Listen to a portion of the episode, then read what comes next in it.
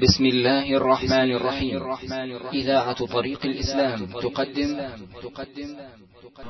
هذا هو الشريط السادس والثمانون من شرح رياض الصالحين. بسم الله الرحمن الرحيم. قال النووي رحمه الله في كتاب رياض الصالحين باب تحريم الرياء. الرياء مصدر راء يقال راء يرائي رياء ومراءة. كجاهد يجاهد جهادا ومجاهدا. والمراد بالرياء هنا أن يتعبد الإنسان لربه عز وجل لكن يحسن العبادة من أجل أن يراه الناس فيقولون ما أعبده ما أحسن عبادته وما أشبه ذلك. فهو يريد من الناس أن يمدحوه في عبادة الله. لا يريد أن يتقرب إليهم بالعبادة لأنه لو فعل هذا لكان شركا أكبر لكنه يريد أن يمدحوه في عبادة الله. فيقول فلان عابد فلان كثير الصوم فلان كثير الصدقة وما أشبه ذلك. فهو لا يخلص الله في عمله لكن يريد أن يمدحه الناس على ذلك. فهو يرائي الناس. والرياء يسيره من الشرك الأصغر وكثيره من الشرك الأكبر. ثم استدل المؤلف رحمه الله على تحريمه بآيات منها قول الله تعالى وما أمروا إلا ليعبدوا الله مخلصين له الدين حنفاء. يعني ما أمر الناس إلا بهذا أن يعبدوا الله مخلصين له الدين. يصلون إخلاصا لله ويتصدقون إخلاصا لله ويصومون إخلاصا لله ويحجون إخلاصا لله وي... ويساعدون الناس إخلاصا لله. إلى غير ذلك من الأعمال الصالحة يكونون مخلصين لله في ذلك. ويقيموا الصلاة يأتون بها مستقيمة على الوجه الأكمل ويؤتوا الزكاة يعطونها مستحقها. وذلك دين القيمة أي دين الملة القيمة. والمخلص لله عز وجل لا يكون في قلبه رياء لأنه إنما يريد بعبادته وجه الله وثواب الله والدار الآخرة. وقال تعالى يا أيها الذين آمنوا لا تبطلوا, لا تبطلوا صدقاتكم بالمن والأذى. يعني إذا أعطيت الفقير الصدقة فلا تمن عليه وتبقى كل ساعة تقول أنا أعطيتك أنا فعلت لأن هذا يبطل الأجر. والأذى تؤذيه تؤذي الفقير بأن تتسلط عليه وترى أنك فوقه وما أشبه ذلك. هذا أيضا يبطل الأجر. كالذي ينفق رئاء ما له رئاء الناس ولا يؤمن بالله واليوم الآخر. الشاهد هذا. الشاهد من الآية هذه هذه الجملة. كالذي ينفق ماله رئاء الناس ليمدحوه ويقولون ما أكثر صدقته وما أشبه ذلك. ولا يؤمن بالله واليوم الآخر. وقال الله تبارك وتعالى يراءون الناس ولا يذكرون الله إلا قليلا. وهذا من أوصاف المنافقين. إذا قاموا إلى الصلاة قاموا كسالى. لا يقومون بنشاط ومحبة ولهف لها بل يقومون كسالى. وأيضا لا يصلون إلا مراعاة للناس والعياذ بالله. ولهذا أثقل الصلوات عليهم صلاة العشاء والفجر. لأنه في ذلك الوقت ما فيه نور ولا, ولا يعرف الحاضر من غير الحاضر. فكانت أثقل الصلوات عليهم صلاة العشاء وصلاة الفجر. فهؤلاء المنافقون يراءون الناس. يعني لا يأتون للصلاة إلا رياء ولا ينفقون إلا رياء ولا يخرجون في الجهاد إلا رياء. وعلى هذا فمن راى من المسلمين فقد شابه المنافقين والعياذ بالله. وقال تعالى فويل للمصلين الذين هم عن صلاتهم ساهون الذين هم يراءون. أي يراءون في أعمالهم. يريدون أن يراهم الناس فيمدحوهم على عبادتهم. هذا فالرياء إذن من الشرك من الشرك. وقد يكون شركا أكبر وهو من خصال المنافقين. أعاذنا الله وإياكم من النفاق. والله موفق. فيما نقله من الأحاديث في باب تحريم الرياء. عن أبي هريرة رضي الله عنه قال سمعت رسول الله صلى الله عليه وسلم يقول قال الله تعالى أنا أغنى الشركاء عن الشرك من عمل عملا أشرك فيه معي غيري تركته وشركه. رواه مسلم. وعنه رضي الله عنه قال سمعت رسول الله صلى الله عليه وسلم يقول إن أول الناس يقضى يوم القيامة عليه رجل استشهد فأتي به فعرفه نعمته فعرفها قال فما عملت فيها؟ قال قاتلت فيك حتى استشهدت قال كذبت ولكنك قاتلت لأن يقال جريء فقد قيل ثم أمر به فسحب على وجهه حتى ألقي في النار. ورجل تعلم العلم وعلمه وقرأ القرآن فأتي به فعرفه نعمه فعرفها. قال فما عملت فيها؟ قال تعلمت العلم وعلمته وقرأت فيك القرآن. قال كذبت. ولكنك تعلمت ليقال عالم وقرأت القرآن ليقال قارئ فقد قيل ثم أمر به فسحب على وجهه حتى ألقي في النار. ورجل وسع الله عليه وأعطاه من أصناف المال فأتي به فعرفه نعمه فعرفها قال فما عملت فيها؟ قال ما تركت من سبيل تحب أن ينفق فيها إلا أنفقت فيها لك. قال كذبت ولكنك فعلت ليقال جواد. فقد قيل ثم أمر به فسحب على وجهه حتى ألقي في النار. رواه مسلم. بسم الله الرحمن الرحيم.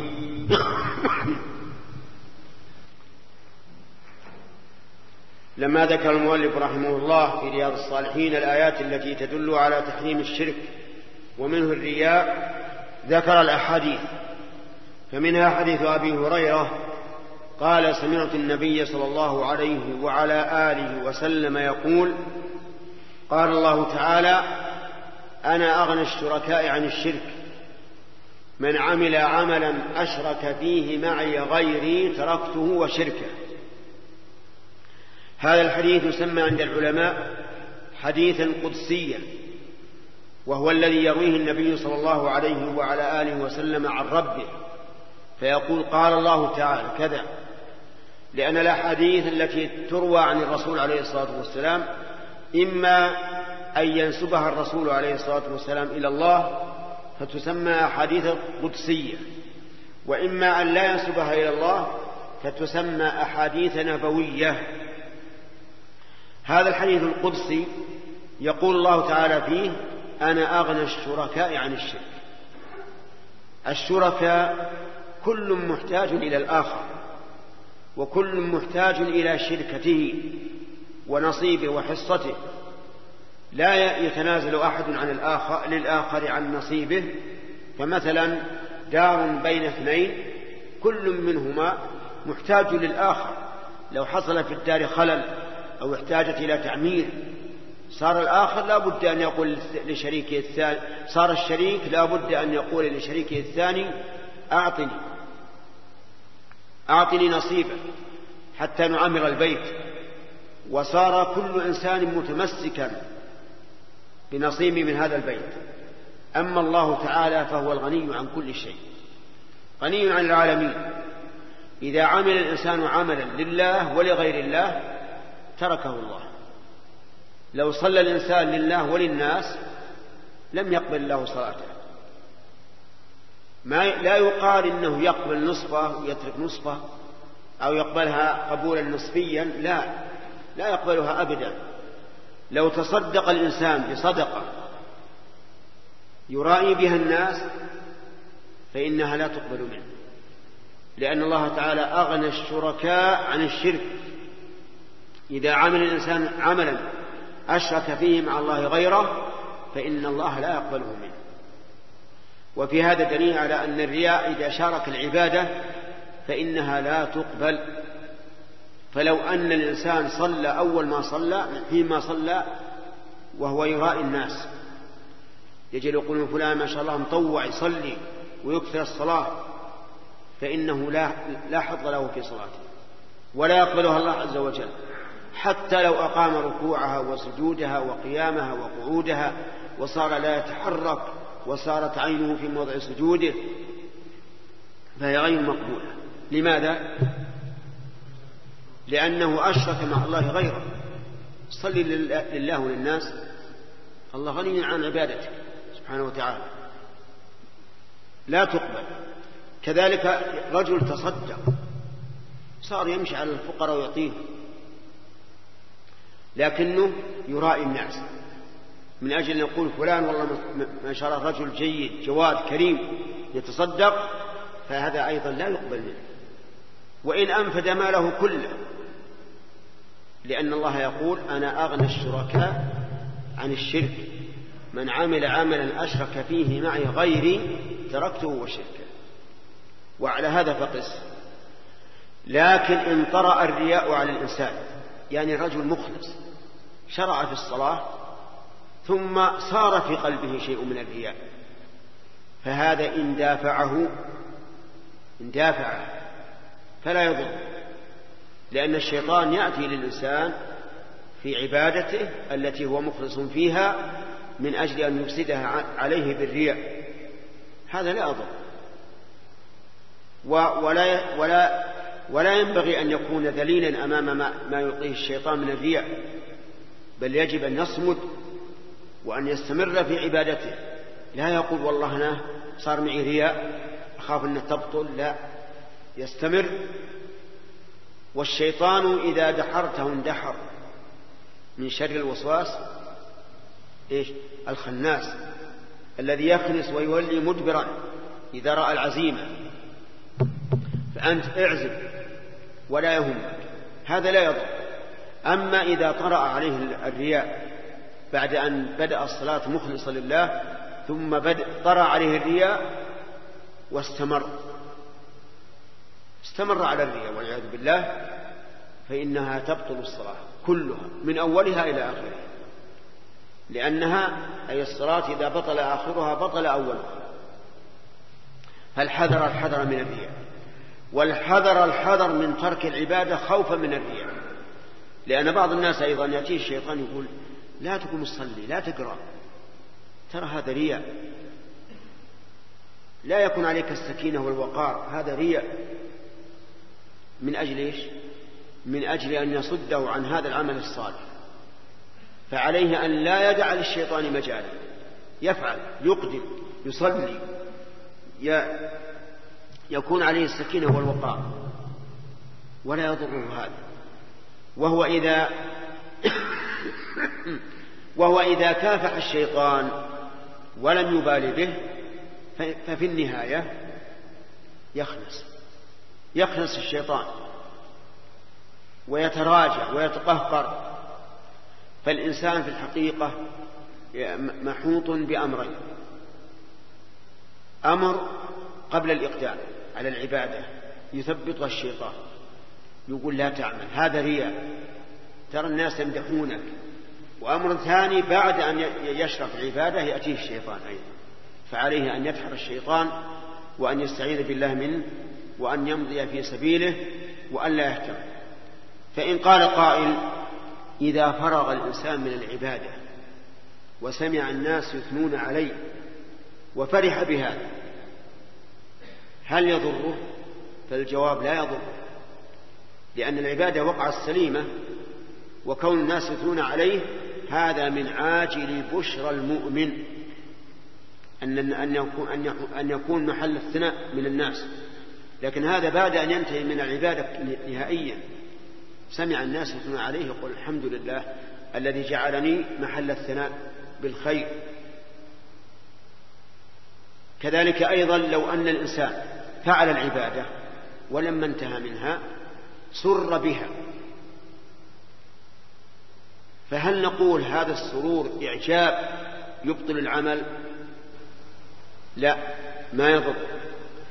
لأن الإعجاب إن الإنسان إذا فرغ من العبادة أعجب بنفسه وأدلى على الله بها ومن على الله بها. هذا هو الذي يبطل عمله والعياذ بالله. لكن هذا إنسان أبدا ما طرأ على باله هذا لكنه حمد الله وفرح أن الله وفقه للخير. هذا لا يضره. ولهذا جاء في الحديث من سرته حسنته وساءته سيئته فذلك المؤمن. جعلنا الله وإياكم منه أما حديث أبي هريرة الثاني فأخشى من الإطالة وسنتكلم عليه إن شاء الله غدا بحول الله وقوته. بسم الله الرحمن الرحيم. الحمد لله رب العالمين والصلاة والسلام على نبينا محمد وعلى آله وصحبه أجمعين. نقل المؤلف رحمه الله تعالى في سياق الأحاديث في باب تحريم الرياء. عن أبي هريرة رضي الله عنه قال سمعت رسول الله صلى الله عليه وسلم يقول إن أول الناس يقضى يوم القيامة عليه رجل استشهد فأتي به فعرفه نعمه فعرفه نعمته فعرفها. قال فما, فما عملت فيها؟ قال قاتلت فيك حتى استشهدت. قال كذبت ولكنك قاتلت لأن يقال جريء فقد قيل ثم أمر به فسحب على وجهه حتى ألقي في النار. ورجل تعلم العلم وعلمه وقرأ القرآن فأتي به فعرفه نعمه فعرفها قال فما عملت فيها قال تعلمت العلم وعلمته وقرأت فيك القرآن قال كذبت ولكنك تعلمت ليقال عالم وقرأت القرآن ليقال قارئ فقد قيل ثم أمر به فسحب على وجهه حتى ألقي في النار. ورجل وسع الله عليه وأعطاه من أصناف المال فأتي به فعرفه نعمه فعرفها. قال فما عملت فيها؟ قال ما تركت من سبيل تحب أن ينفق فيها إلا أنفقت فيها لك. قال كذبت ولكنك فعلت ليقال جواد. فقد قيل ثم أمر به فسحب على وجهه حتى ألقي في النار. رواه مسلم. وعن ابن عمر رضي الله عنهما أن ناسا قالوا له إنا ندخل على سلاطيننا فنقول لهم بخلاف ما نتكلم إذا خرجنا من عندهم. قال ابن عمر رضي الله عنهما كنا نعد هذا نفاقا على عهد رسول الله صلى الله عليه وسلم. رواه البخاري. بسم الله الرحمن الرحيم. سبق لنا الكلام فيما يتعلق بالرياء وأن الله سبحانه وتعالى تبرأ من المرائي وأحبط عمله. وهنا في هذا الدرس نتكلم على حديث أبي هريرة في ذكر أول أول من يقضى عليه يوم القيامة وهم ثلاثة أصناف. متعلم ومقاتل ومتصدق. المتعلم تعلم العلم وعلم القرآن وعلم. ثم إن الله سبحانه وتعالى أتي به إليه يوم القيامة. فعرفه الله نعمته فعرفها وأقر واعترف فسأله ماذا صنعت؟ يعني في شكر هذه النعمة فقال تعلمت العلم وقرأت القرآن فيك فقال الله له كذبت ولكن تعلمت ليقال عالم وقرأت القرآن ليقال قارئ ليس لله بل, بل, بل لأجل الرياء ثم أمر به فسحب على وجهه في النار. وهذا دليل على أنه يجب على طالب العلم في طلب العلم أن يخلص نيته لله عز وجل. وأن لا يبالي أقال الناس إنه عالم أو شيخ أو أستاذ أو مجتهد أو ما أشبه ذلك. لا يهمه هذا الأمر. لا يهمه إلا رضا الله عز وجل. وحفظ الشريعة وتعليمها ورفع الجهل عن نفسه ورفع الجهل عن عباد الله حتى يكتب من الشهداء الذين مرتبتهم بعد مرتبة الصديقين. ومن يطع الله والرسول فأولئك مع الذين أنعم الله عليهم من النبيين والصديقين والشهداء والصالحين. وأما من تعلم لغير ذلك ليقال إنه عالم وإنه مجتهد وأنه علامة وما أشبه ذلك من الألقاب فهذا عمله حابط والعياذ بالله. وهو أول من يقطع عليه ويسحب على وجهه في النار ويكذب يوم القيامة ويوبخ. أما الثاني فهو رجل قاتل رجل مقاتل. قاتل في سبيل الله وقتل. فلما كان يوم القيامة أتي به إلى الرب عز وجل فعرفه نعمه. فعرفه. يعني النعم أنه أنه سبحانه وتعالى مده وأعده ورزقه وقواه حتى وصل إلى هذه المرتبة إلى أن قاتل. ثم سئل ماذا صنعت فيها فقال يا رب قاتلت فيك. فيقال كذبت. قاتلت من أجل أن يقال فلان يعني شجاع جري. وقد قيل ثم أمر به فسحب على وجهه في النار والعياذ بالله. وهكذا أيضا المقاتل في سبيل الله. المقاتلون في سبيل الله لهم نوايا متعددة. من قاتل لتكون كلمة الله العليا فهو في سبيل الله. كما قال النبي عليه الصلاة والسلام. ومن قاتل وطنية ففي سبيل الطاغوت. ومن قاتل حمية على قومية فهو في سبيل الطاغوت.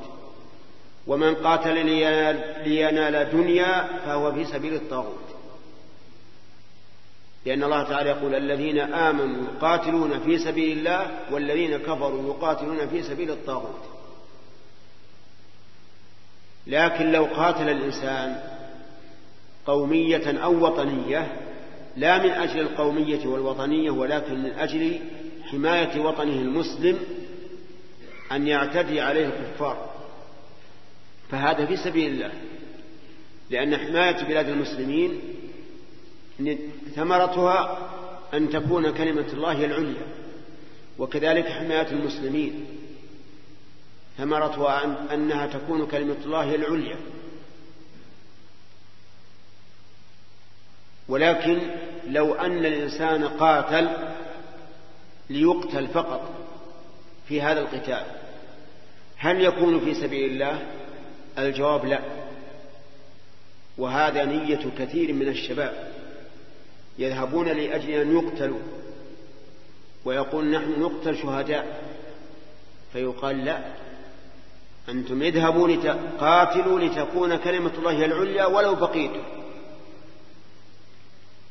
لا تذهبوا لأجل أن تقتلوا لكن لأجل أن تكون كلمة الله العليا وحينئذ إن قتلتم في هذا السبيل فأنتم في سبيل الله. أما الثالث فرجل أنعم الله عليه بالمال وصار يتصدق ويعطي وينفق.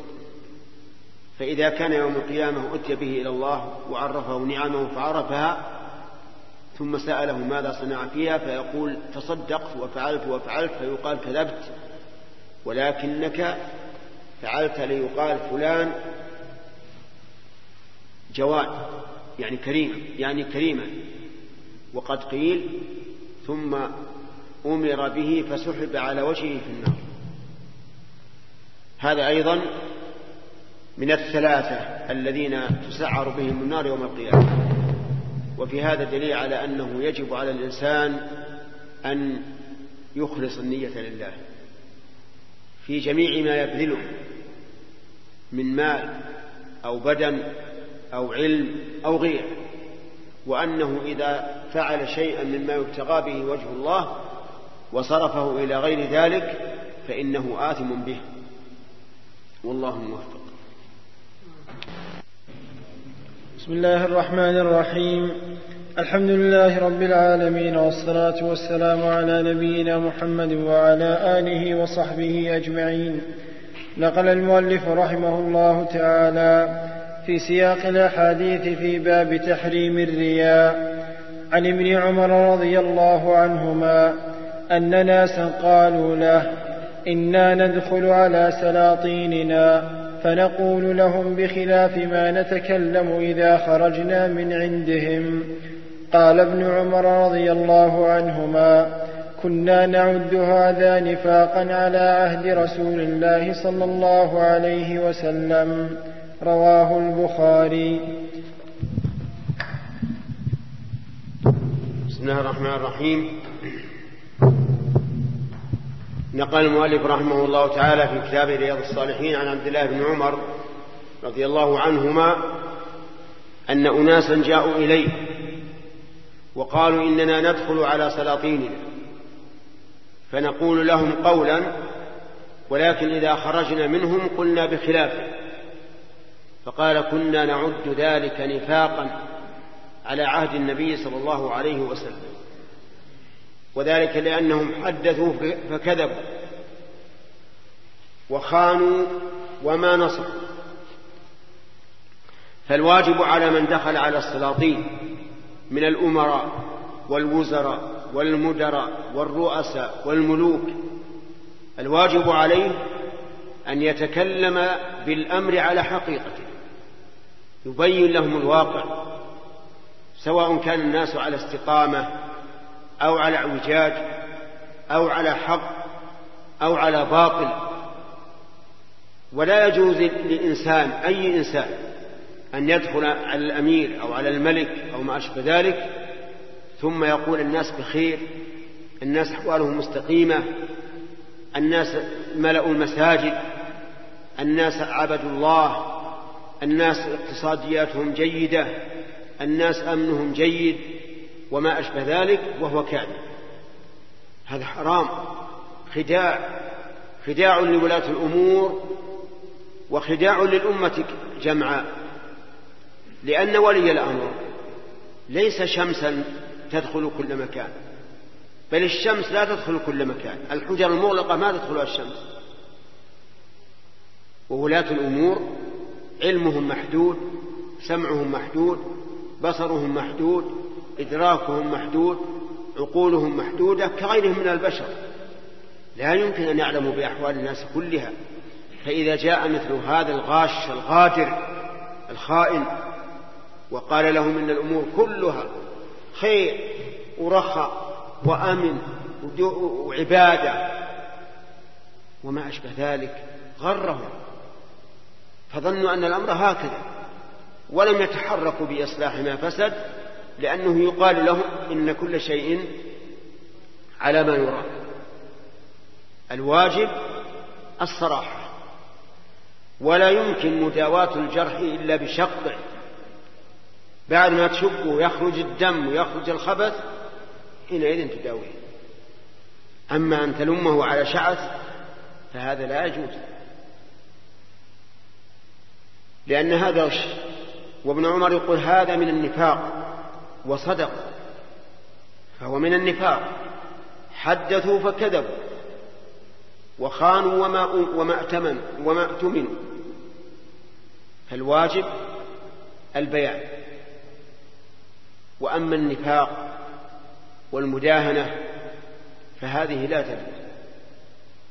لذلك الواجب على كل إنسان أتى إلى شخص مسؤول ولو عن عشرة طلاب. دعنا من المسؤول عن أمة كاملة الواجب أن يخبره بالواقع. لا يقول والله الطلاب كلهم خير كلهم حريصين كلهم كلمتهم وحدة كلهم على أدب طيب. لا الواجب يبلغ بالحقيقة. وينص على كل واحد بعينه إذا اقتضى الحال هذا. وذكر وذكر العيب لإزالة العيب سلامة. ونصح. وليس من الغيبة في شيء. فهذا رسول الله عليه الصلاة والسلام جاءته امرأة فاطمة بنت قيس قالت يا رسول الله خطبني ثلاثة. أسامة بن زيد ومعاوية بن أبي سفيان وأبو جهل. قال له النبي عليه الصلاة والسلام أما معاوية فصعلوك لا مال له. يعني ومنين ينفق عليك. ما عنده مال. وأما أبو جهم فضراب للنساء. وهذا مدح ولا ذم؟ ذم. انكحي أسامة بن زيد. لكن كيف الرسول يغتابهم؟ اغتابهم لأي شيء؟ نصح وإرشاد. فإذا جئت مثلا إلى أي إنسان تحته ناس وهو ولي عليه قلت له هذا فلان فيك كذا وكذا وأنت صادق بار ليس بينك وبينه عداوة أو مشاحنة فأنت على خير ومأجور وناصح. ولا يمكن تستقيم الأمور إلا, إلا بأن يعطى عنها صورة واضحة. أما الكتمان فهذا لا يجوز. كذلك أيضا في المدرسة مدير المدرسة أو عميد الكلية يجب إذا رأينا طالبا منحرفا بأخلاقه أو سلوكه أو غيبة ولاة الأمور يجب أن ننصحه أولا وإلا يجب أن نرفع أمره حتى يصلح من حاله. لأن مثل هذا جرثومة جرثومة فاسدة. يفسد الطلاب كلهم أو من قدر عليه منه ولا يقر وهو في هذه الحال الذي ليس له هم إلا الإفساد خلقا أو, غير أو دينا أو سلوكا ومنهجا. لأن هذا هو النصح. كذلك أيضا عندما نأتي أمير بلدة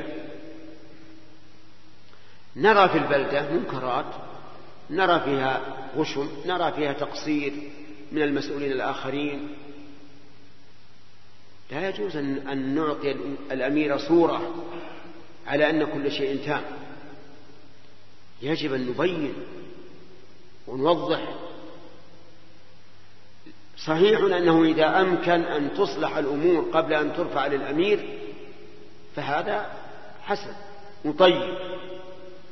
لكن إذا علمنا أن المسألة ما هي صالحة وأننا لو ذهبنا إلى المسؤول الذي تحت الأمير قال إن شاء الله تعالى أبشروا. كل شيء بيتيسر ولكنه يماطل.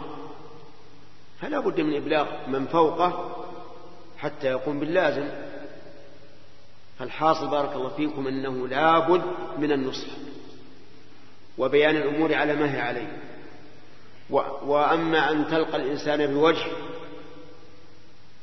وإذا أدبرت عنه أدبرت فهذا حرام. ومن النفاق. ومن ذلك أيضا مسألة أخص من هذه. يجي إنسان شخص وما شاء الله عليك أنت رجل طيب وحبيب وكريم يثني عليه بلسانه يملأ الجو. وقلبه حاقد لكن يريد أن يأخذ ما عنده. يعني بعض الناس خبث يأخذ ما عنده والرجل سليم القلب يمكن يفضي إلى هذا بالشيء إذا رأى إذا ظن أنه ناصح. ثم إذا أدبر والعياذ بالله فإنه يكيل له الصاع مقلوبا ويتكلم في عرضه ويسبه ويقول هذا مقصر هذا فيه ما فيه فعلى المؤمن أن يتقي الله ربه وأن يتجنب المداهنة والكذب والغش وأن يكون صريحا حتى يصلح الله على يديه. والله الموفق.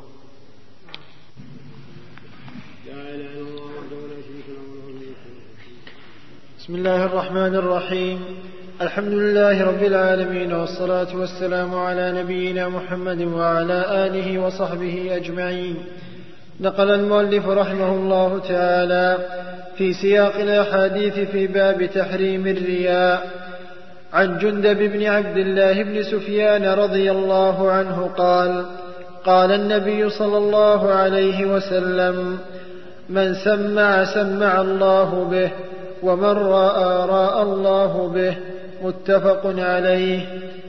وعن أبي هريرة رضي الله عنه قال قال رسول الله صلى الله عليه وسلم من تعلم علما مما يبتغى به وجه الله عز وجل لا يتعلمه إلا ليصيب به عرضا من الدنيا لم يجد عرف الجنة يوم القيامة يعني ريحها. رواه أبو داود بإسناد صحيح. بسم الله الرحمن الرحيم. نقل المؤلف رحمه الله من ما بقي من أحاديث الرياء التي ساقها. عن جندب بن عبد الله رضي الله عنه أن النبي صلى الله عليه وعلى آله وسلم قال من سمع سمع الله به ومن راى راى الله به. يعني من قال قولا يتعبد به لله ورفع صوته بذلك حتى يسمعه الناس ويقولون فلان كثير الذكر كثير القراءة وما أشبه ذلك فإن هذا قد سمع عباد الله يرائي بذلك نسأل الله العافية. سمع الله به أي فضحه وكشف أمره وبين عيبه للناس وتبين لهم أنه مرائي.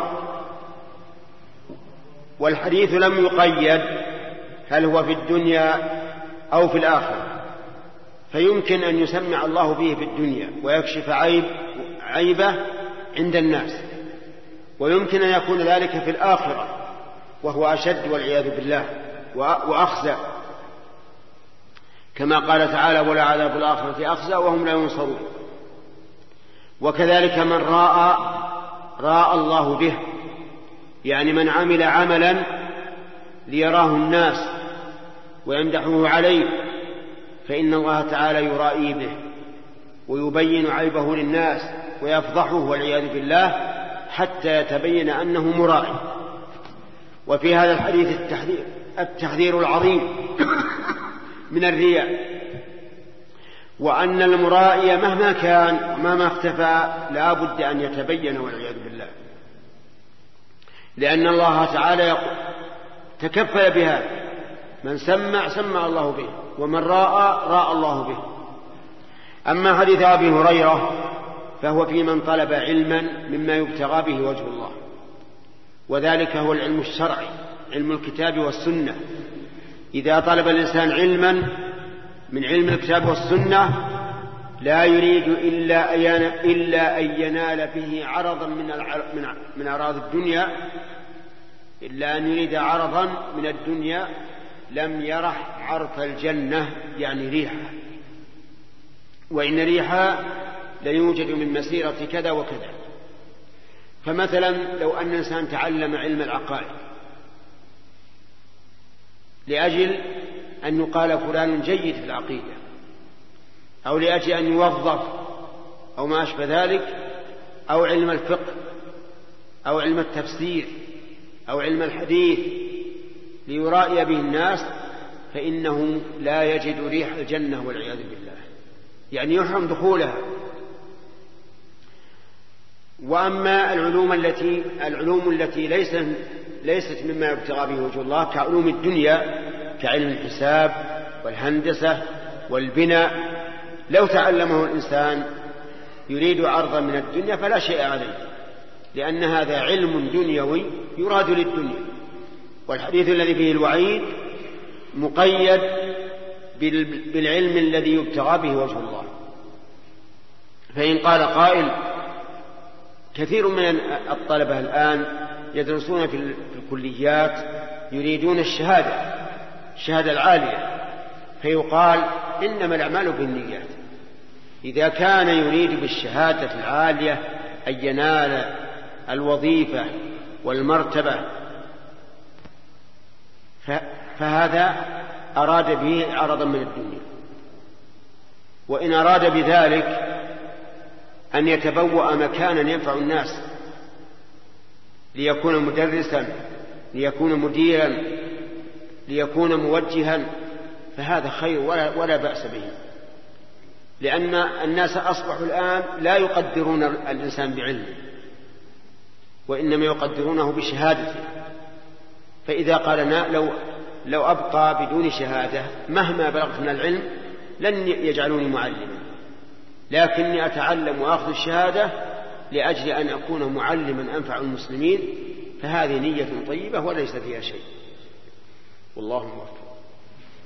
قال رحمه الله تعالى باب ما يتوهم أنه رياء وليس هو رياء. عن أبي ذر رضي الله عنه قال قيل لرسول الله صلى الله عليه وسلم أرأيت الرجل الذي يعمل العمل من الخير ويحمده الناس عليه؟ قال تلك عاجل بشرى المؤمن رواه مسلم. بسم الله الرحمن الرحيم. قال المؤلف النووي رحمه الله في كتاب رياض الصالحين باب ما يتوهم أنه رياء وليس هو رياء. يعني ما يظن الإنسان أنه رياء ولكن ليس برياء. ثم ذكر حديث أبي هريرة أن النبي صلى الله عليه وسلم سئل عن الرجل يعمل العمل فيحمده الناس على ذلك فقال تلك عاجل بشرى المؤمن. أن الناس يثنون عليه. وصورة المسألة التي في الحديث أن الرجل يعمل عملا صالحا. لله. لا يبالي أعلم به الناس أم لم يعلموا. أرأوه أم لم يروه؟ أسمعوه أم لم يسمعوه؟ لكنه لله يعمل خالصا. ثم إن الناس يحمدون على ذلك. يقولون فلان كثير الخير فلان كثير الطاعة فلان كثير الإحسان إلى الخير إلى إلى الخلق وما أشبه ذلك. فقال تلك عاجل بشرى المؤمن وهو الثناء عليه. لأن الناس إذا أثنوا على الإنسان خيرا فهم شهداء الله في أرضه. ولهذا لما مرت جنازة من عند النبي صلى الله عليه وسلم وأصحابه أثنوا عليها خيرا. قال وجبت ثم مرت أخرى فأثنوا عليها شرا قال وجبت. فقالوا يا رسول الله ما وجبت؟ قال أما الأول فوجبت له الجنة وأما الثاني فوجبت له النار. أنتم شهداء الله في الأرض. فهذا معنى قوله تلك عاجل بشرى المؤمن. والفرق بين هذه وبين الرياء أن الرياء لا يعمل العمل إلا لأجل الناس ليراه الناس. فيكون في نيته شرك شرك مع الله غيره. وأما هذا فنيته خالصة لله عز وجل. ولم يطرأ على باله أن يمدحه الناس أو يذموه. لكن الناس يعلمون.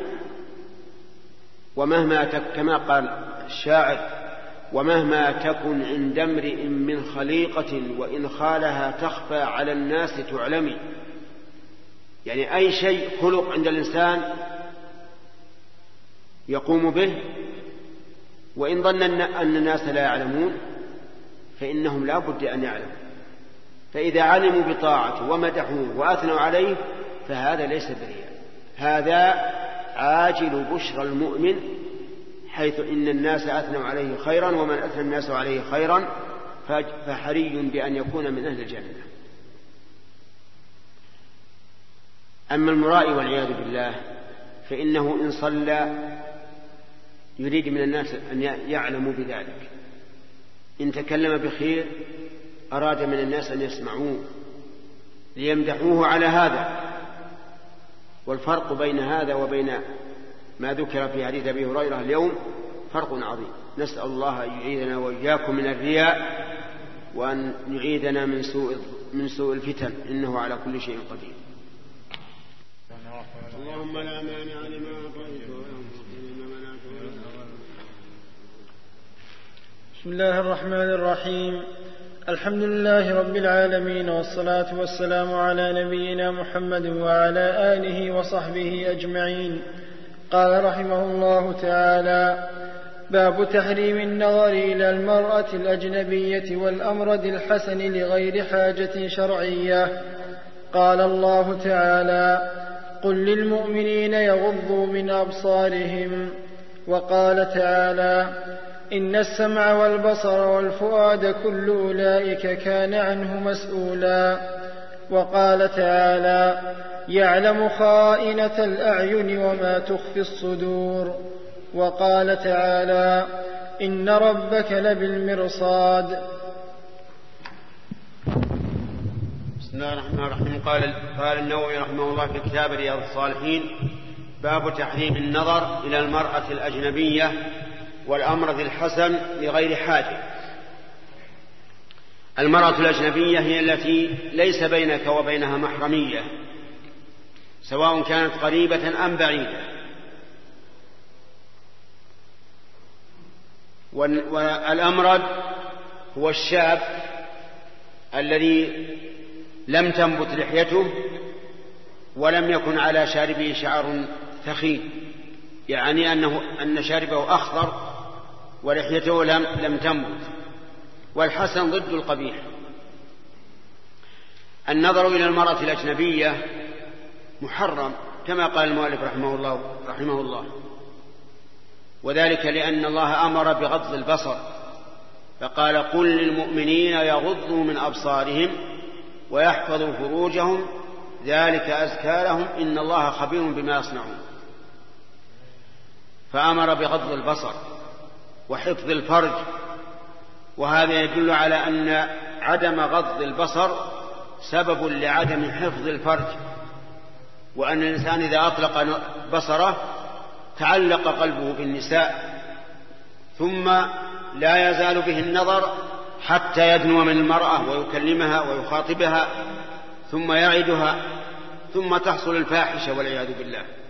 ولهذا يقال إن النظر بريد الزنا يعني أنه يدعو إلى الزنا. فأمر الله بغض البصر وقال عز وجل يعلم خائنة الأعين وما تخفي الصدور. خائنة, خائنة الأعين مسارقتها النظر. يعني أن تنظر على وجه الخفاء الذي لا لا يخرج للناس لكن الله يعلمه. فهو يعلم خائنة الأعين ويعلم جل وعلا ما تخفي الصدور من النيات الحسنة والنيات السيئة بل هو يعلم ما توسوس به النفس وما يستقبل للمرء. وقال تعالى إن السمع والبصر والفؤاد كل أولئك كان عنه مسؤولا. فالإنسان مسؤول عن السمع. ماذا سمع بأذنه؟ هل سمع قولا محرما أو استمع إلى امرأة أجنبية يتلذذ بصوتها وكذلك البصر وكذلك الفؤاد. فالواجب على الإنسان حفظ نفسه.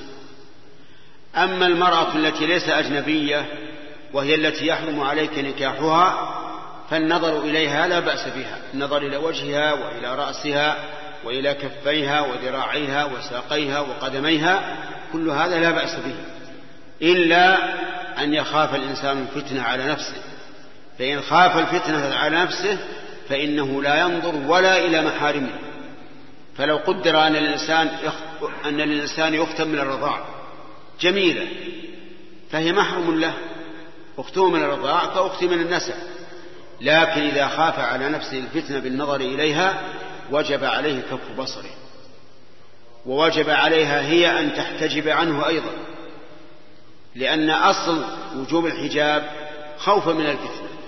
فإذا وجدت الفتنة فإنه لا بد من من ستر الوجه ولو عن المحارم. وأما إذا لم يكن فتنة وكان الإنسان سليم القلب عفيفا فهذا يحرم عليه أن ينظر إلى غير محارمه. مثلا لا ينظر إلى بنت عمه ولا بنت خاله ولا وكذلك لا ينظر إلى أخت زوجته. وهي أيضا لا, لا, لا تنظر إلى لا ينظر إليها أخو زوجها وهل مجرة المهم المدار على المحارم يجوز النظر إليهن ما لم يخشى الفتنة. أما غير المحارم فيحرم النظر إليهن مطلقا. والله موفق.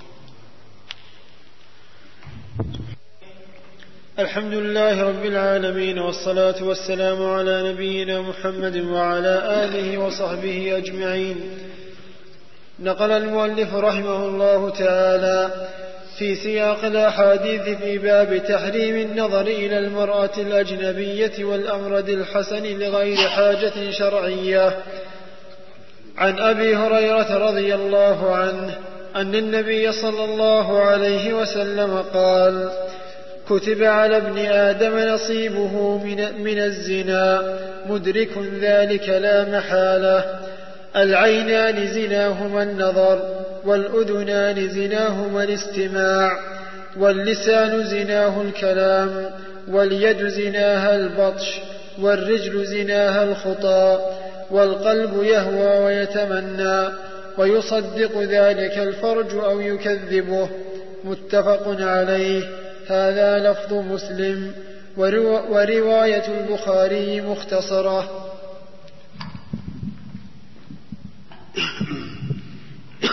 بسم الله الرحمن الرحيم. ذكر المؤلف رحمه الله في باب تحريم النظر إلى المرأة الأجنبية والأمرد الحسن من غير حاجة شرعية. بعد ذكر الآيات حديث أبي هريرة أن النبي صلى الله عليه وسلم قال كتب على ابن آدم حظه من الزنا وهو مدرك ذلك لا محالة. يعني أن الإنسان مدرك للزنا لا محالة إلا من عصمه الله. ثم ذكر النبي عليه الصلاة والسلام أمثلة لذلك. فالعين زناها النظر. يعني أن الرجل إذا نظر إلى امرأة ولو لغير شهوة وليس من محارمه فهذا نوع من الزنا وهو زنا العين. والأذن زناها الاستماع. يستمع الإنسان إلى كلام المرأة ويتلذذ به. هذا زنا الأذن. وكذا اليد زناها البطش.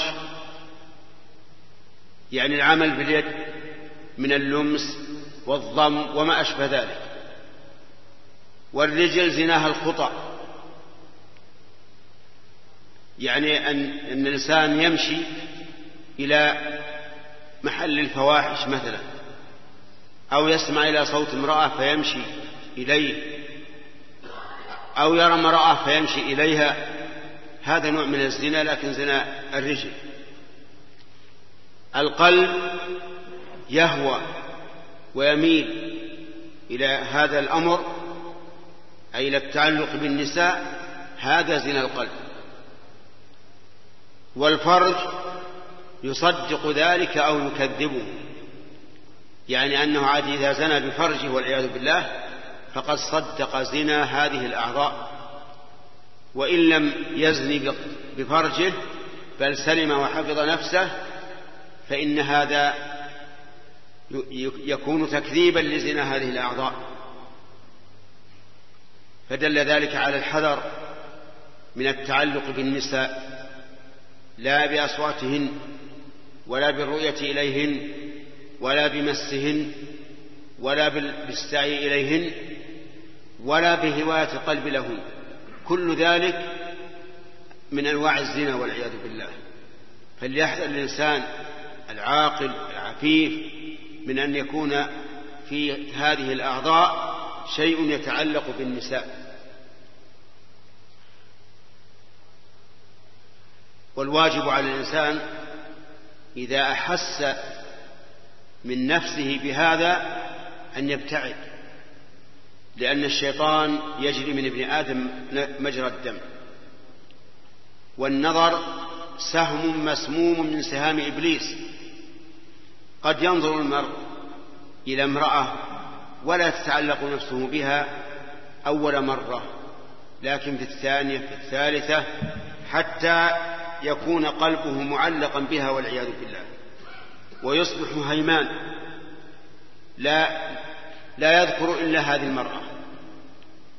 إن قام ذكرها وإن قعد ذكرها وإن نام ذكرها وإن استيقظ ذكرها فيحصل بهذا الشر والفتنة. نسأل الله العافية. والله موفق. سبحان الله.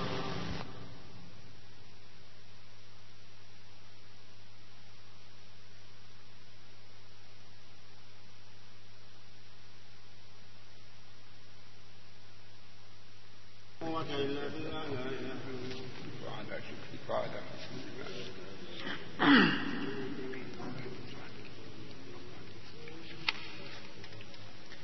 الله الرحمن الرحيم. الحمد لله رب العالمين والصلاة والسلام على نبينا محمد وعلى آله وصحبه أجمعين. نقل المؤلف رحمه الله تعالى في سياق الأحاديث في باب تحريم النظر إلى المرأة الأجنبية والأمرد الحسن لغير حاجة شرعية. عن أبي سعيد الخدري رضي الله عنه عن النبي صلى الله عليه وسلم قال إياكم والجلوس في الطرقات. قالوا يا رسول الله ما لنا من مجالسنا بد نتحدث فيها. فقال رسول الله صلى الله عليه وسلم فإذا أبيتم إلا المجلس فأعطوا الطريق حقه. قالوا وما حق الطريق يا رسول الله؟ قال غض البصر وكف الأذى ورد السلام والأمر بالمعروف والنهي عن المنكر متفق عليه.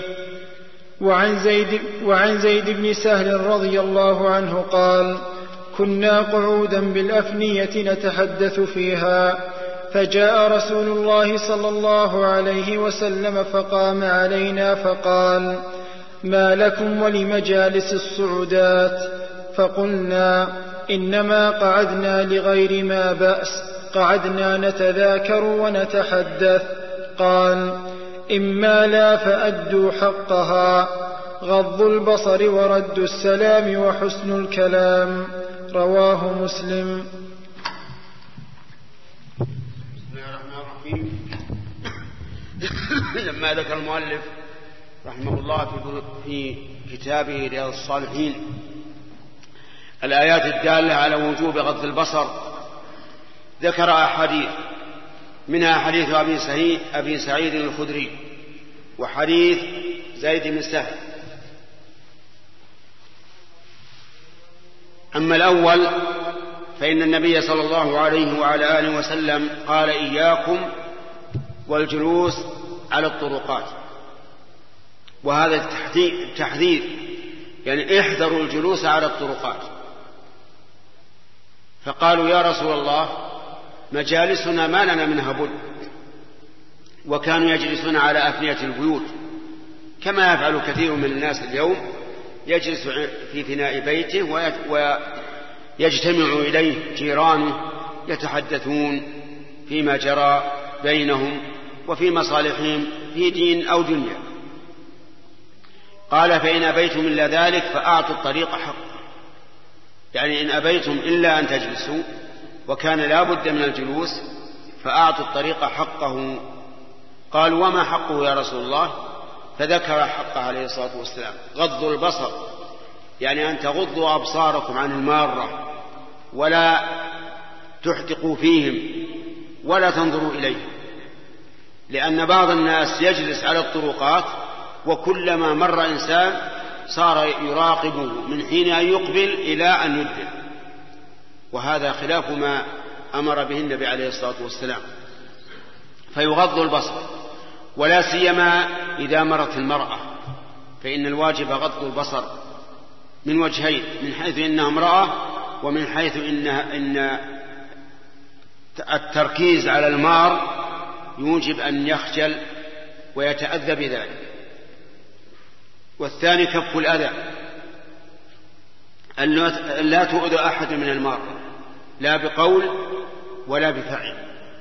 لا بقول تسمعونه إياه يتأذى به ولا بفعل بأن تضيقوا الطريق فتمدوا أرجلكم مثلا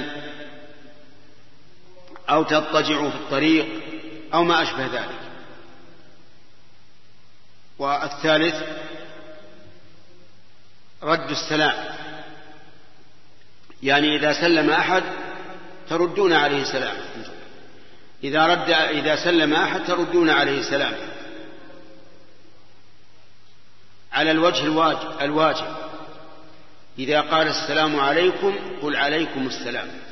ولا يكفي أن تقول أهلا وسهلا أو مرحبا أو ما أشبه ذلك بل لا بد من الرد الواجب.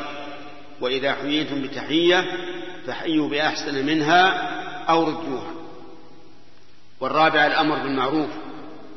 الأمر بالمعروف إذا رأيتم أحدا قد قصر في أمر مطلوب منه تأمرونه به والمعروف كل ما أمر به الشرع وكل ما عرف الناس ما عرفه الناس وأقروا به مما لا يكون حراما فإنه معروف.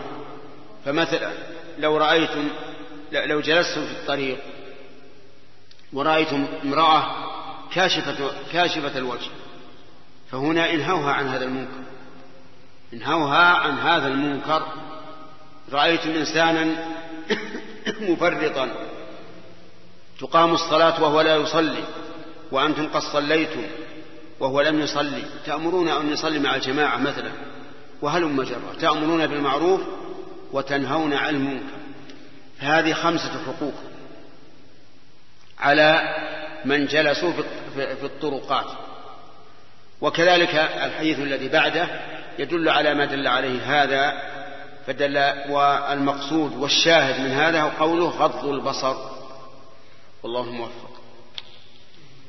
الحمد لله رب العالمين والصلاة والسلام على نبينا محمد وعلى آله وصحبه أجمعين. نقل المؤلف رحمه الله تعالى في سياق الأحاديث في باب تحريم النظر إلى المرأة الأجنبية والأمرد الحسن لغير حاجة شرعية. عن جرير رضي الله عنه قال سألت رسول الله صلى الله عليه وسلم عن نظر الفجأة فقال اصرف بصرك رواه مسلم. وعن أم سلمة رضي الله عنها قالت كنت عند رسول الله صلى الله عليه وسلم وعنده ميمونة فأقبل ابن أم مكتوم وذلك بعد أن أمرنا بالحجاب. فقال النبي صلى الله عليه وسلم احتجبا منه. فقلنا يا رسول الله أليس هو أعمى؟ لا يبصرنا ولا يعرفنا. فقال النبي صلى الله عليه وسلم أفعمياوان أنتما ألستما تبصرانه؟ رواه أبو داود والترمذي وقال حديث حسن صحيح. وعن أبي سعيد رضي الله عنه أن رسول الله صلى الله عليه وسلم قال لا ينظر الرجل إلى عورة الرجل ولا المرأة إلى عورة المرأة ولا يفضي الرجل إلى الرجل في, في, في ثوب واحد ولا تفضي المرأة إلى المرأة في الثوب الواحد. رواه مسلم. بسم الله الرحمن الرحيم. قال المؤلف رحمه الله تعالى فيما نقله في كتابه رياض الصالحين في باب تحريم النظر إلى الأمر إلى المرأة الأجنبية والأمرد الحسن بغير حاجة شرعية. عن جرير بن عبد الله رضي الله عنه أنه سأل النبي صلى الله عليه وسلم عن نظر الفجأة. قال اصرف بصرك. نظر الفجأة هو الذي يفاجئ الإنسان مثل أن تمر به امرأة مفاجئة وتكون قد كشفت وجهها فقال النبي صلى الله عليه وسلم اصرف بصرك. يعني أدره يمينا أو شمالا حتى لا تنظر. فيستفاد من هذا الحديث تحريم نظر الرجل إلى المرأة. لكن إذا حصل هذا فجأة فإنه يعفى عنه لأنه بغير اختيار من الإنسان. وما كان بغير اختيار من الإنسان فإن الله قد عفى عنه. وأما الحديث الثاني حديث أم سلمة أنها كانت عند النبي صلى الله عليه وسلم وعنده ميمونة فدخل عبد الله بن أم مكتوم وكان رجلا أعمى وكان ذلك بعد نزول الحجاب فأمرهما أن تحتجبا منه يعني قال لأم سلمة وميمونة احتجبا منه أي من, أم من ابن أم مكتوم وهو أعمى فقال يا رسول الله إنه رجل أعمى لا يبصرنا ولا يعرفنا. فقال أفعمياوان أنتما؟ احتجبا منه. فأمرهما أن تحتجبا عن الرجل ولو كان أعمى. لكن هذا الحديث ضعيف لأن الأحاديث الصحيحة كلها ترد. فإن النبي صلى الله عليه وسلم قال لفاطمة بنت قيس اعتدي في بيت ابن أم مكتوم فإنه رجل أعمى تضعين ثيابك عنده. وهذا الحديث في الصحيحين. أما هذا الحديث الذي ذكره المؤلف رحمه الله فقد قال الإمام أحمد إن رفعه خطأ. يعني لا يصح عن النبي صلى الله عليه وسلم. وعلى هذا فلا يحرم على المرأة أن تنظر إلى الرجل ولو كان أجنبيا بشرط أن لا يكون نظرها لشهوة أو لتمتع يعني نظر عادي. ولذلك نجد الرجال يمشون في الأسواق كاشفي وجوههم. والنساء ينظرن إلى إلى إلى الوجوه. وكذلك النساء في عهد النبي عليه الصلاة والسلام يحضرن إلى المسجد ولا ولا يحتجب الرجال عنهن. ولو كان الرجل لا لا يحل للمرأة أن تراه لوجب عليه أن يحتجب كما تحتجب المرأة عن الرجل. فالصحيح أن المرأة لها أن تنظر من الرجل لكن بغير شهوة ولا استمتاع أو تلذذ. وأما الرجل فيحرم عليه أن يرى المرأة كما مر علينا في الآن وكما مر علينا فيما سبق. وأما الحديث الأخير فسيأتي الكلام عليه إن شاء الله في درس قادم. والله أعلم. سبحان الله سبحان الله سبحان الله. اللهم لا إله إلا الله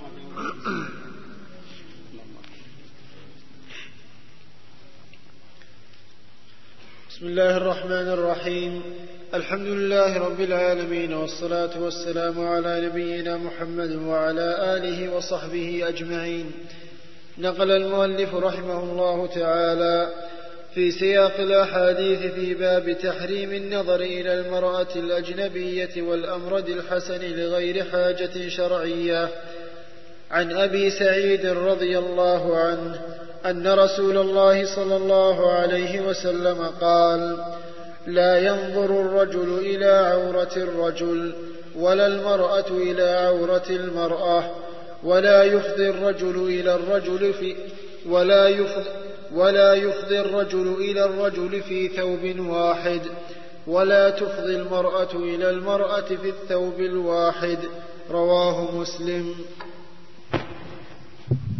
بسم الله الرحمن الرحيم.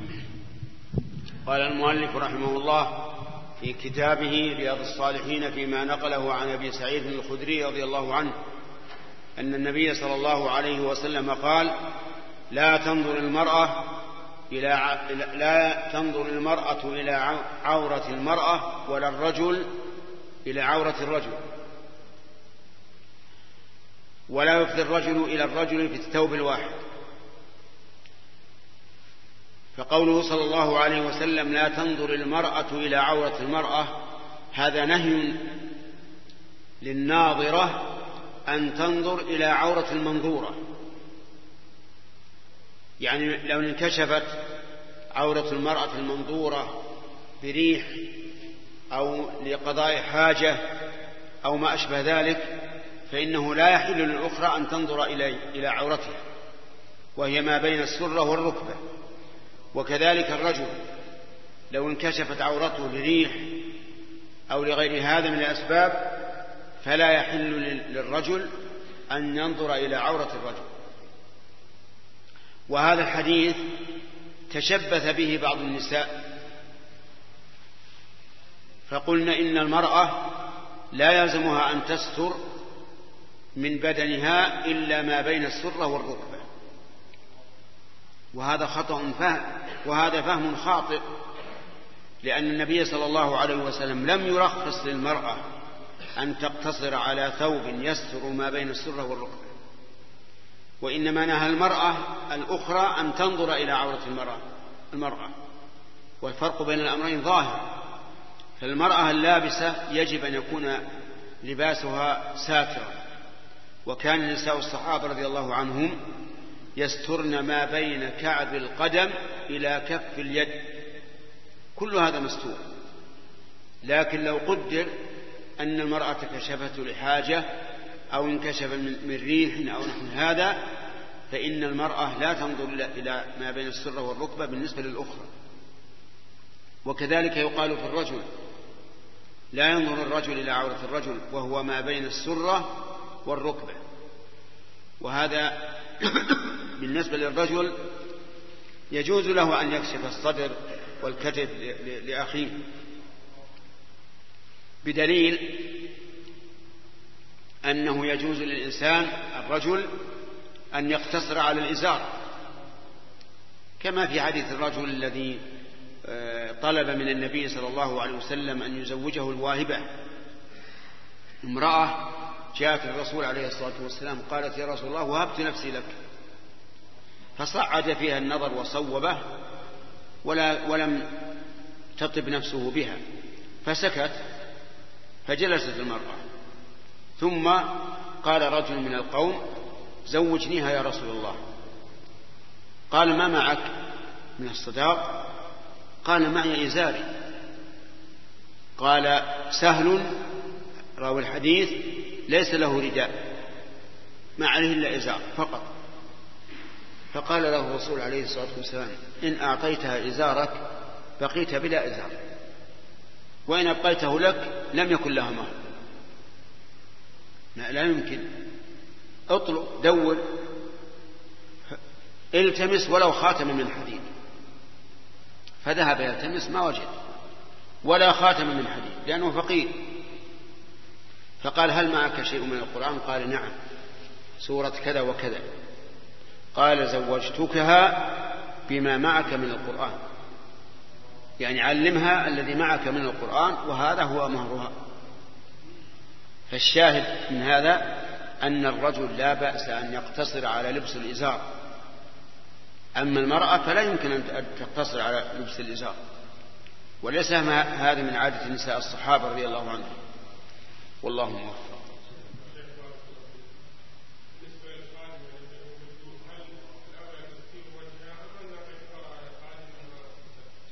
الخادمة التي في البيوت كغيرها يجب أن تستر وجهها. وهي أشد خطرا لأن لو كشفت وجهها وكانت شابة أو جميلة افتتن بها صاحب البيت وأولاده إن كان له أولاد. نعم.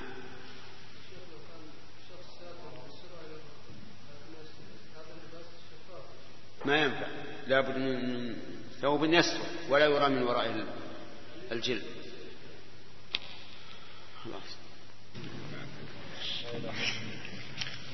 بسم الله الرحمن الرحيم. الحمد لله رب العالمين والصلاة والسلام على نبينا محمد وعلى آله وصحبه أجمعين. قال رحمه الله تعالى باب تحريم الخلوة بالأجنبية. قال الله تعالى وإذا سألتموهن متاعا فاسألوهن من وراء حجاب. عن عقبة بن عامر رضي الله عنه أن رسول الله صلى الله عليه وسلم قال إياكم والدخول على النساء.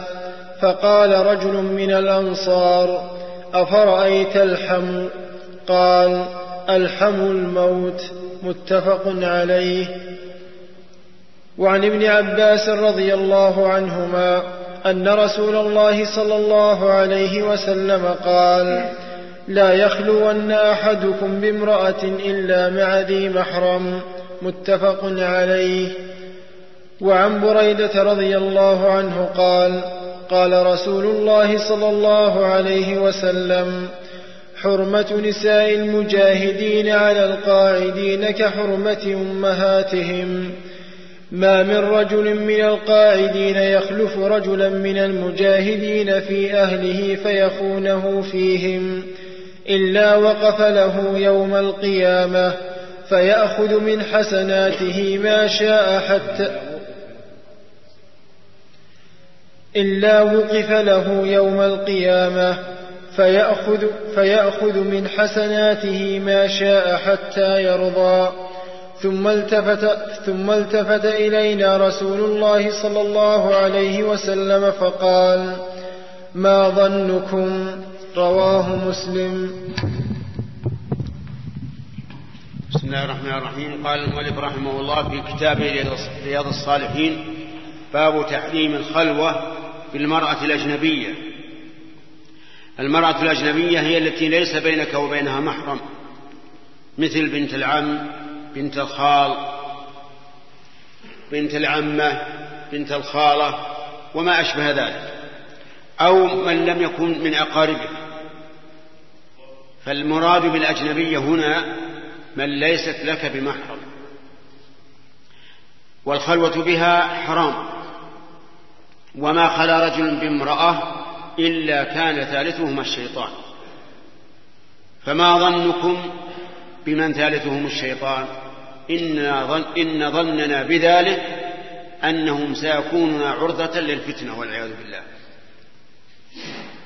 ثم ذكر قوله تعالى وإذا سألتموهن متاعا فاسألوهن من وراء حجاب. يعني لا تدخلوا عليهن.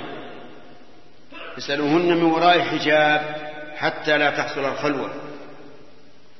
ثم ذكر حديث عقبة بن عامر رضي الله عنه أن النبي صلى الله عليه وسلم قال إياكم والدخول على النساء.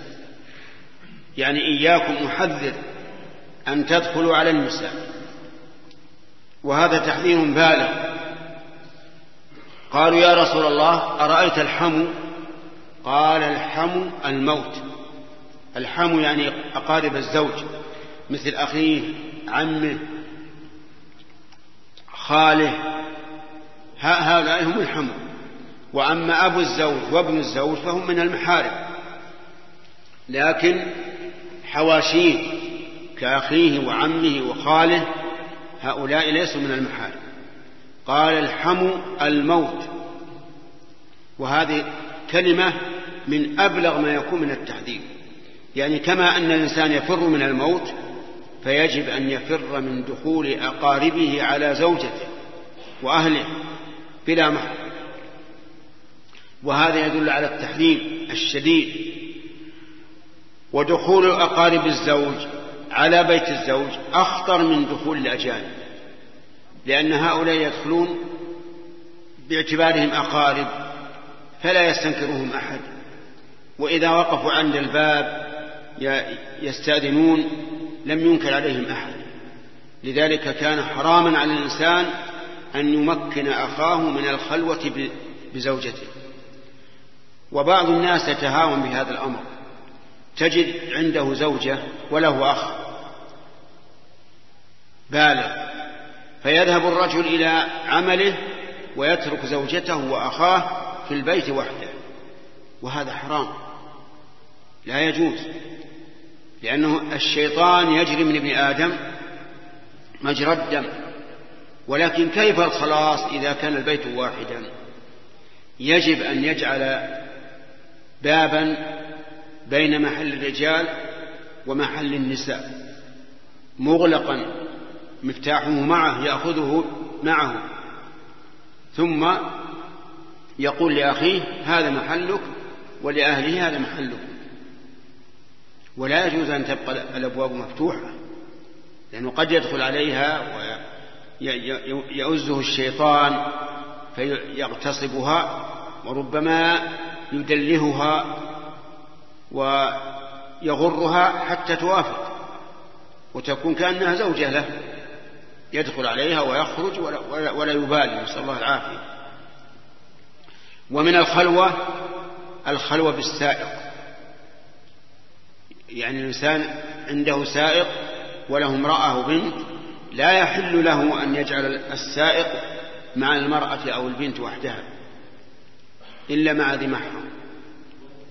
لأن الخلوة بالسيارة أعظم من الخلوة بالبيت. إذ أن الخلوة بالسيارة يستطيع أن يتفاهم معها ثم يذهبان إلى أي مكان ويفعل بها الفاحشة. من, من, من الذي يمنعه؟ لهذا حرام على الإنسان أن يمكن أهله من زوجة أو أخت أو بنت من أن تركب وحدها مع السائق ولو بقدر خمس خطوات. أبدا لا يجوز. فإن قال قائل طيب إذا كانت امرأة تدرس وأبوها مريض أو مشغول لا يتمكن وهي لا بد أن تدرس قلنا لا. من يقول لا بد أن تدرس؟ الدراسة التي تستلزم الوقوع في المحرم حرام. يجب أن تبقى في بيتها. والدراسة الحمد لله الشباب الذكور فيهم خير. والمرأة إذا كان معها مبادئ تستطيع أن تراجع وتنتسب. أما أن تذهب مع السائق وحدها فهذا حرام. ويخشى أن يكون الذي يمكن أهله من ذلك يخشى أن ينطبق عليه شيء من وصف الديوث وهو الذي يقر أهله على الفاحشة. لكن هذا لم يقرهم على الفاحشة إنما يخشى أن يكون ذلك وسيلة. والله موفق. قال رحمه الله تعالى باب تحريم تشبه الرجال بالنساء وتشبه النساء بالرجال. عن ابن عباس رضي الله عنهما قال لعن رسول الله صلى الله عليه وسلم المخنثين من الرجال والمترجلات من النساء. وفي رواية لعن رسول الله صلى الله عليه وسلم المتشبهين من الرجال بالنساء والمتشبهات من النساء بالرجال. رواه البخاري.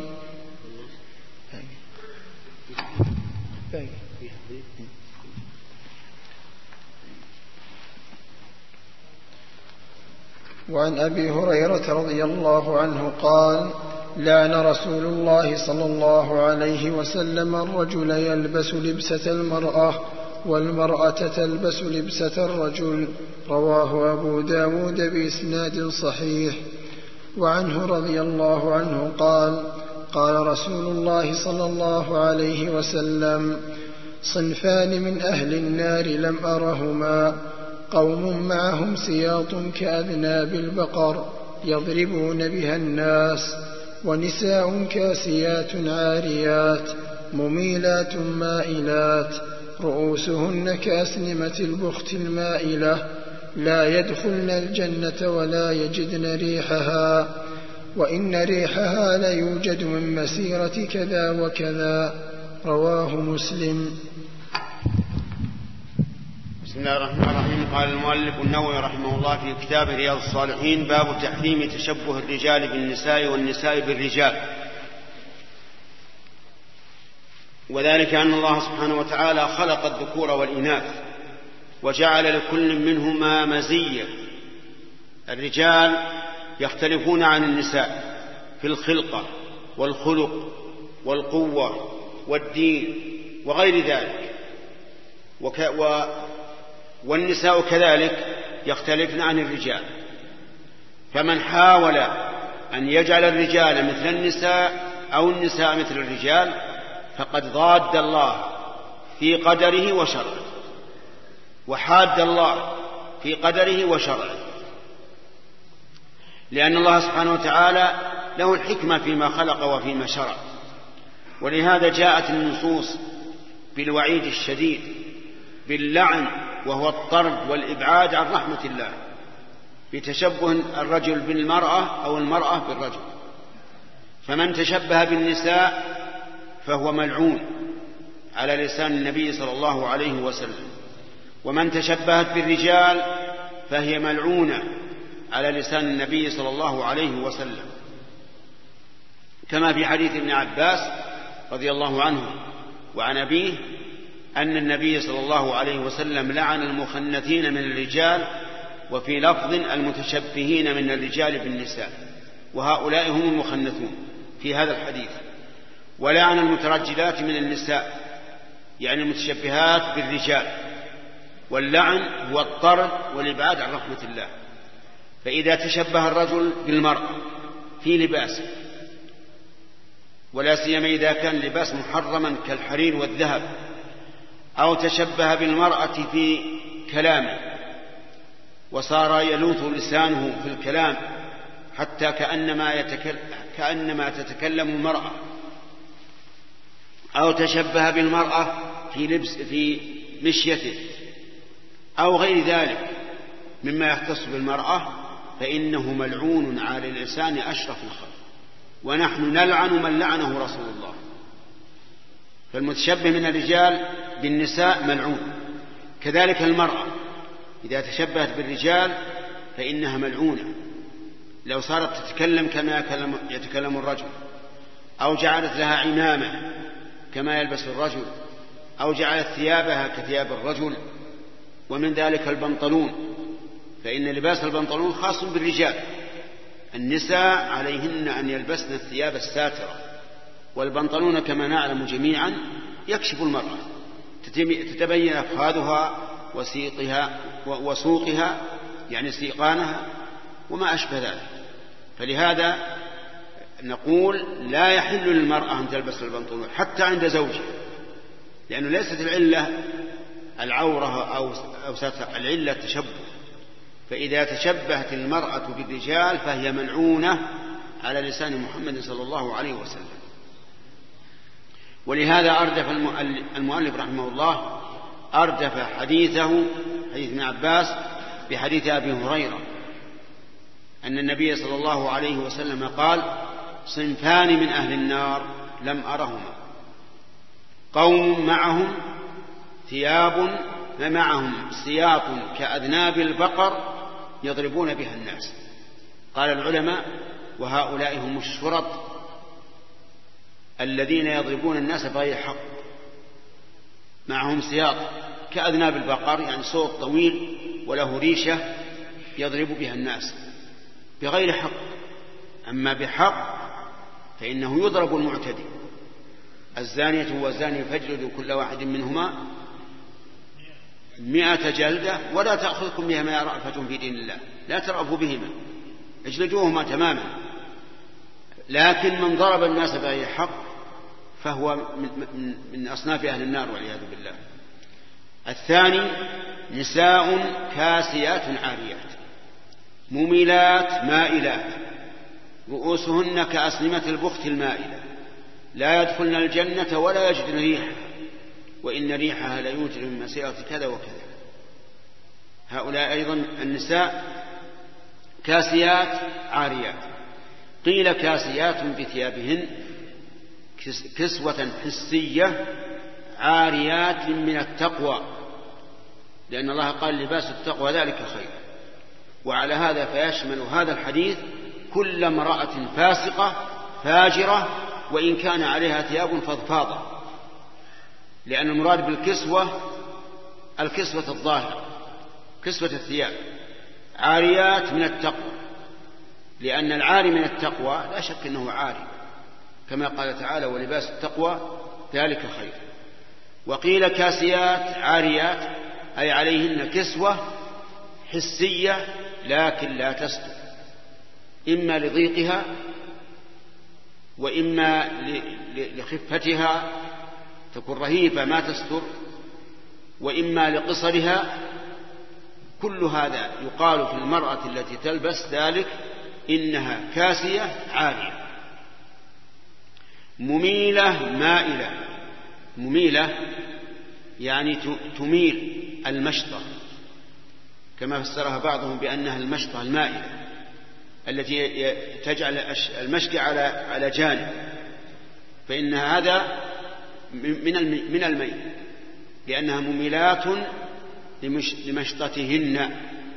ولا سيما وأن هذا الميل الذي جاءنا إنما وردنا من نساء الكفار. وهذا والعياذ بالله ابتلي به بعض النساء. فصارت تشكل راس أي تشق أو تفرق ما بين الشعر من جانب واحد. فتكون هذه مميلة. أي قد أمالت مشطتها. وقيل مميلات أي فاتنات غيرهن لما يخرجن به من التبرج والطيب وما أشبه ذلك. فهن مميلات لغيرهن. ولعل المعنى ولعل اللفظ يشمل المعنيين. لأن القاعدة أن النص إذا كان يحتمل معنيين ولا مرجح لأحدهما فإنه يحمل عليهما جميعا. وهنا لا مرجح ولا منافاة ولا منافاة باجتماع المعنيين. فيكون شاملا لهذا وهذا. وأما قوله مائلات فمعناه منحرفات عن الحق وعما يجب عليهن من الحياء والحشمة تجدها في السوق تمشي مشية الرجل بقوة وجلد. حتى إن بعض الرجال ما يستطيع يمشي هذه المشية, المشية لكن هي تمشي كأنها كأنها جندي من شدة مشيتها وضربها بالأرض وعدم مبالاتها. كذلك أيضا تضحك إلى إلى زميلتها زميلتها معها تضحك وترفع الصوت على وجه مثير للفتنة. وكذلك تقف على صاحب الدكان تماكسه بالبيع والشراء وتضحك إليه وتضحك معه وربما تمد يدها إليه ليضع عليها الساعة ساعة اليد وما أشبه ذلك من المفاتن والبلاء. فهؤلاء مائلات لا شك أنهن مائلات عن الحق نسأل الله العافية. رؤوسهن كأسنمة البخت المائلة. البخت نوع من من الإبل. لها سلام طويل ينضجع يمينا أو شمالا. هذه على ترفع رأس شعر رأسها حتى يكون مائلا يمينا أو يسارا كأسنمة البخت المائلة وقال بعض العلماء بل هذه هذه المرأة تضع على رأسها عمامة كعمامة الرجل حتى ترتفع يرتفع الخمار ويكون كأنه سنام إبل من البخاتم وعلى كل حال فهذه تجمل رأسها بتجميل يفتن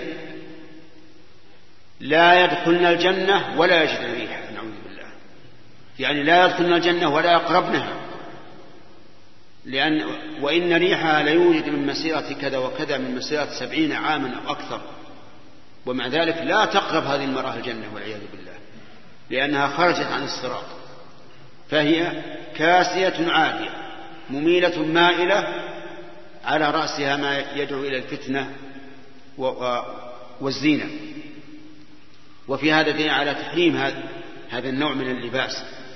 وأن لأنه توعد عليه بحرمان الجنة وهذا يدل على أنه من الكبائر. وكذلك المتشبهات من النساء بالرجال تشبههن من كبائر الذنوب. وكذلك المتشبهون من الرجال بالنساء تشبههن من كبائر الذنوب. وهنا مسألة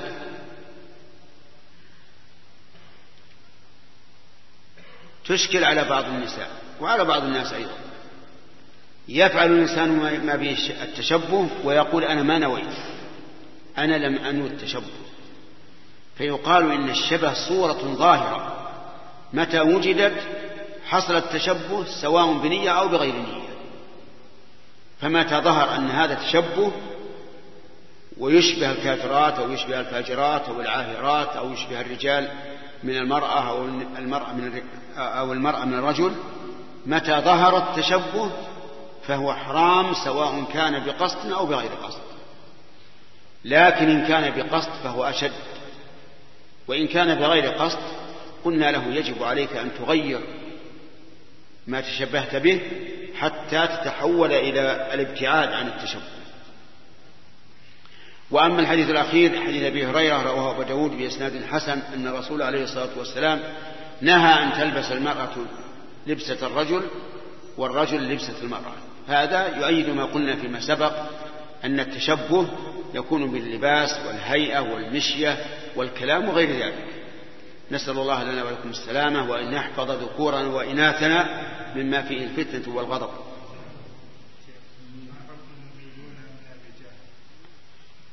المميلون من الرجال قد يكون أخبث يعني يوجد بعض الفتيان ولا سيما إن كان جميلا يميل لباسه ويتغنج حتى كأنه يدعو الناس إلى نفسه والعياذ بالله.